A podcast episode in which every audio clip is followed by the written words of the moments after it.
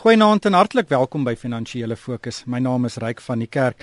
My gaste vanaand is Amelia Morgenrood, sy is 'n portefeuljebestuurder by PSG. Goeienaand Amelia. Goeienaand Ryk, luisteraars. En Nico Pinaar, hy's 'n ekonom by die Buro van Ekonomiese Onderzoek wat verbonde is aan die Universiteit van Stellenbosch. Goeienaand Nico. Goeienaand Ryk en luisteraars. Die week se nuus is natuurlik oorheers deur die nasionale begroting wat in Slanslaneni in die parlement ter tafel gelê het. En uh, daar's baie weet sienings oor die begroting. Dit is gewis nie 'n groei begroting nie, maar Hugo, wat het vir jou uitgestaan? Uh, hoe hoe som jy die begroting op wat Neni in die parlement ter tafel gelê het? Ek ek dink soos die laaste paar jare was dit maar regtig 'n bietjie van 'n balanseer toertjie want ons weet die staatsskuld is redelik hoog. Dit het baie gestyg die laaste paar jaar. So daar's 'n klomp druk veral uit die internasionale gemeenskap, die graderingsagentskappe ons om hierdie skuld op 'n manier uh, onder beheer te kry. Maar dan natuurlik is die ekonomie regtig besig om onder te presteer en um, ons het nou die tesourier nou verder hulle groei verwagtinge afwaarts aangepas. So hulle was nie regtig in 'n posisie om te veel in hierdie begroting inperkend te wees nie, um, gegee die swak ekonomie. So jy weet ons kan 'n bietjie gesels oor die spesifieke inperkende maatreëls wat daar wel was, maar ek dink die feit dat daar nie meer was nie, veral aan die bestedingsskandaal, moet mens sien teen die agtergrond van 'n onderpresterende ekonomie. Amelia, weet om nou aan te sluit wat Hugo gesê het, weet mm. ons het hoër belasting gesien, ons het dit verwag. Baie mense is nie gelukkig daarmee nie. Weet niemand hou daarvan om meer belasting te betaal nie. Die inkomstebelasting, uh, weet is grootliks vir skoeie bruik mense. Dan het ons die geweldige stygings in die brandstofheffing gesien, 80,5 mm. sent, grootliks vanweë gemors by die padongelukke fonds. Ehm um, weer eens dit wys op die regering wat nie doeltreffend met sy geld werk nie. En is dit 'n geval van die private sektor of of belastingbetalers uh, moet hulle sente omdraai maar die regering hoef nie. Eh, Ryk, kom ons kyk, staan net 'n oomblik terug en kyk. As jy as jy ons met die res van die wêreld vergelyk, is ons belastingkoerse nie hemelhoog nie. Ons is maar so half gemiddeld as jy gaan kyk na wat die hoogste belastingkoers is en hoeveel belasting ons as private individue betaal. Maar daar's een baie groot verskil en dit is dat ingesluit by ons belasting is nie byvoorbeeld skole vir ons kinders nie. Daar is nie sekuriteit vir ons nie. Daar is nie ehm um, gesondheidsorg nie. So ons as Maar dis tog net vir 'n sekere ryk deel van die gemeenskap waarvan jy nou praat. Wel, ek dink vir die grootste gedeelte van die Suid-Afrikaanse bevolking, want nie een van ons wil regtig gebruik maak van 'n staatshospitaal nie, tensy tensy jy nie anders kan nie. Meeste mense sal die, nog 'n paar laaste sente afknyp om um, om vir hulle uh, 'n uh, mediese fonds te betaal elke maand. Um, ons almal weet dis een van die grootste uitdagings vir ouer mense wat aftree is om te kan uh, dit te kan bekostig om aan 'n mediese fonds te behoort. En dan wat skole betref, as jy gaan kyk, is daar nog sekere skole wat goed is, staatsskole, model C skole, maar ook 'n groot deel van daai skole se uitgawes moet gefinansier word deur die ouers wat moet inbetaal. Selfs in, in Pretoria waar ek nou woon hier's 'n paar baie baie goeie staatskole maar hulle skoolfondse is ook hemelhoog jy weet hulle betaal ook al 1 2 3000 rand 'n maand vir hulle kinders in daai skole. En dan verder eh, 'n stad soos om weer terug te kom na 'n stad soos Pretoria dit hou aan uitbrei en hier's baie nuwe woonbuurte veral in die oostelike voorstede maar hier word geen skole gebou nie geen staatskole nie. So dis dit mense het geen ander keuse basies as hulle heeltemal oos woon om hulle kinders in privaat skole te sit wat oral opskiet nie nou wat wat baie duur is. En dan ons almal weet wat die sekuriteitssituasie is. Weet jy kan amper vandag nie meer bekostig om net in 'n huis te woon in die straat sonder enige vorm van sekuriteit nie. So daai is alles ekstra uitgawes wat gewoonlik ja. deur die staat gefinansier word of daardeur ehm um, wat jy nie nodig het om nog dit ekstra daai ekstra uitgawe uit te gaan nie. So as jy gaan kyk effektief wat ons betaal aan belasting, is ons sinne van die heel hoogste in die wêreld. Al daai ekstra kostes ook in ag neem en die rykes word nou nog net verder belas. Natuurlik die die die belasting is effens opgestoot aan die bokant. Nou as jy gaan kyk na die syfers, ek het vinnig gekyk as jy 250 000 rand 'n maand verdien, is dit 1100 rand 'n maand ekstra. Dit klink nie baie op daai groot bedrag nie maar jy weet dit dit tel alles op op die einde van die dag as is jou kostes net hemelhoog om om 'n basiese bestaan te voer in Suid-Afrika. Jy hmm. weet die, die punt wat Amelia daar maak is dat die regering nie die geld doeltreffend uh, bestee nie. Ons kry nie waarde vir ons geld terug nie. Maar kom ons kyk bietjie groter na die na die hele regering se uitgawe kant. Daar's twee maniere om die begrotingstekort uh weet te verklein. Nommer 1 is verhoog belastings. Dit het gebeur. En die tweede manier is die regering moet ook sy belstywer trek en uh en net net al gesê hulle wil 25 miljard rand oor 2 jaar spaar wat daarmee 'n aanduiding is uh en dit bring ons begrotingstekort of die die begrote begrotingstekort op 3,9% te staan. Wat dink jy van daai syfer? Uh is dit 'n volhoubare syfer? Die die die tekortsyfer. Die, die die die begrotingstekort van 3,9%. Wel dit, dit is nie volhoubaar nie, maar ek dink die die die punt is ehm um, jy kyk nou net na die 1 jaar, maar die verwagting is as mens nou oor die 3 jaar fiskale raamwerk kyk dan teen die einde van daai periode is die verwagting dat die tekort dan op 2.5% van van BBP sit. So ek dink die punt is reg, ek het nou reeds genoem die ekonomie hierdie jaar gaan maar nog vrot presteer.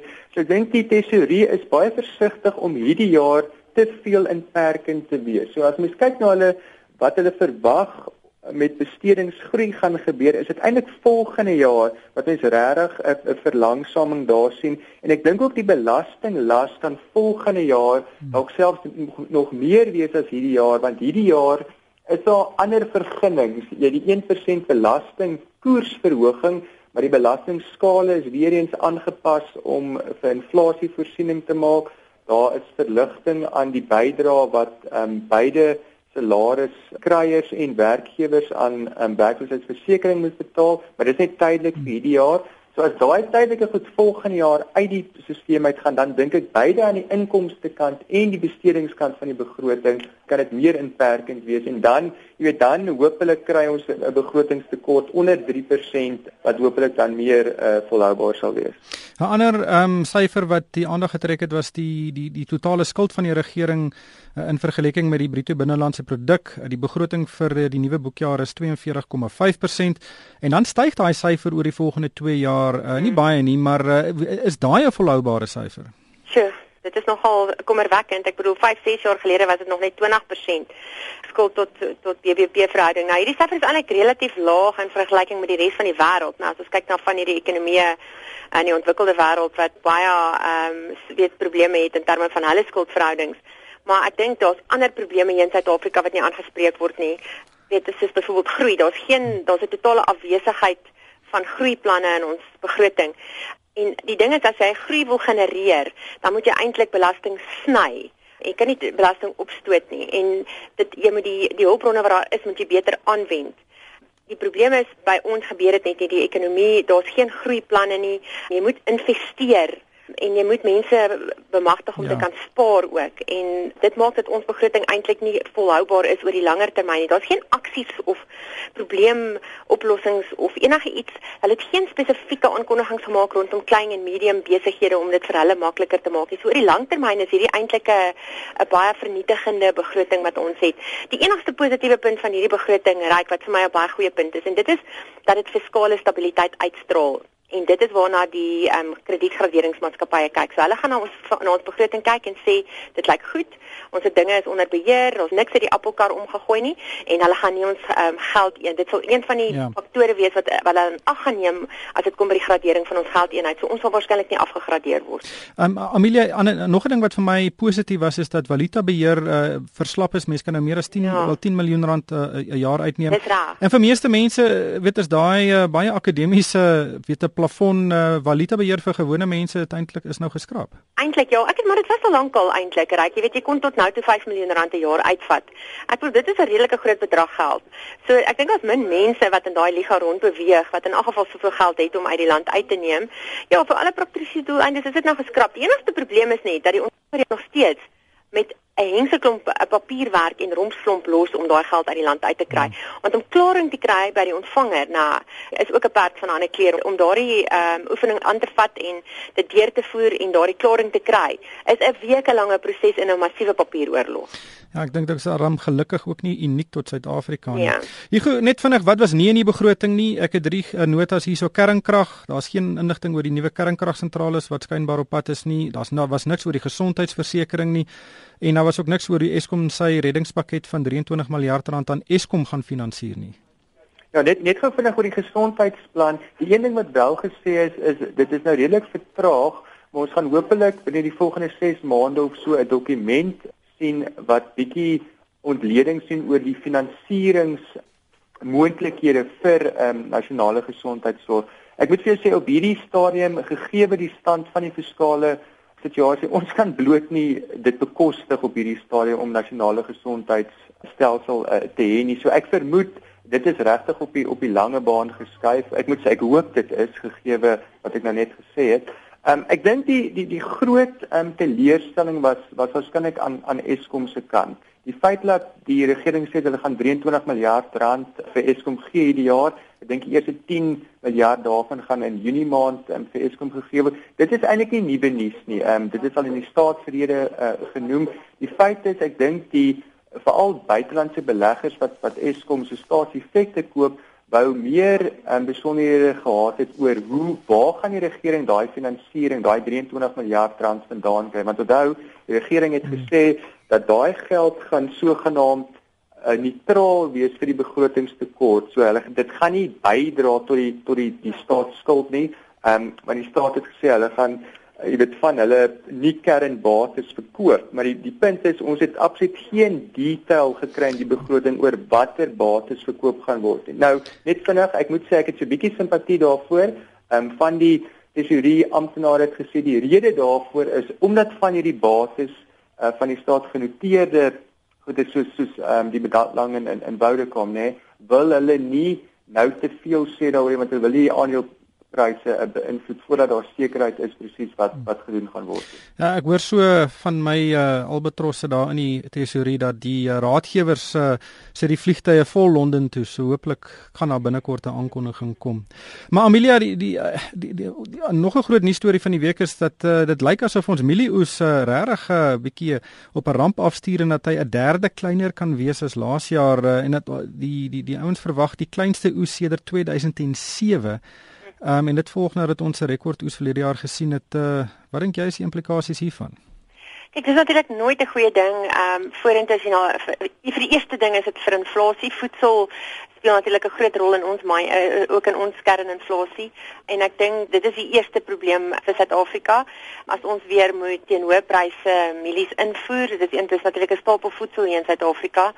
So dit is dit hou niks goeds in nie. Daar's niks positiefs omtrent dit nie. Hugo ehm um, weet die die die landbou is nie meer so 'n kernbedryf in Suid-Afrika nie maar 'n mielieoes het 'n baie baie groot uitkring effek hoe hoe groot kan hierdie um, uitkring effek wees Ek dink dit vinnig wil wil ek soms sê aan aan die inflasie kant ryk en waar ons nou sit is die inflasie prentjie besonder positief met die impak van die laer oliepryse wat nog wat nog deurspoel. Maar ons gaan hierdie week 'n petrolprysverhoging kry van 90 sent amper amper amper 'n rand uh, per liter.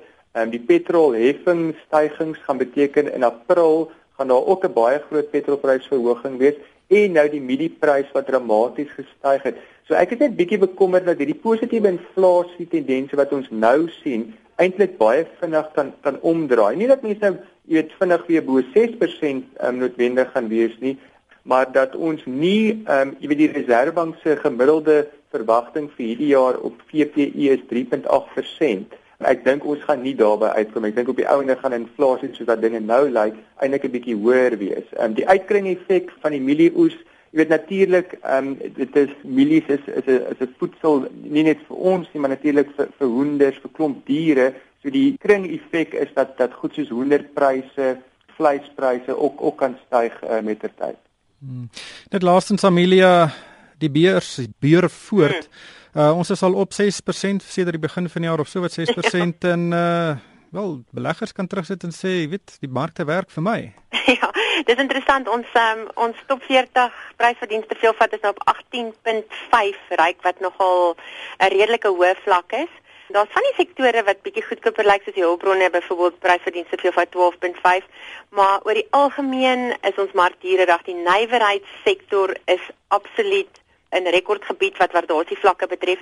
Die nywerheidsindeks, se prysverdienste veelvoud is 23. Dit beteken jy betaal as jy vir daai net na die indeks kyk vir 23 jaar se winste as jy nou daai aandele koop. Selfs die banke is nie meer so goedkoop nie. Hulle het ook baie sterk lopies gehad. Hier by 14.5 rondprysverdienste is hulle redelik uh, goed geprys. Dis min of meer Maar as iemand nou by die huis sit Amelia, ehm um, weet mens kyk baie keer na waardasies. Ja, maar hierdie hierdie storie begin vir my lyk asof dit te goed is om waar te wees.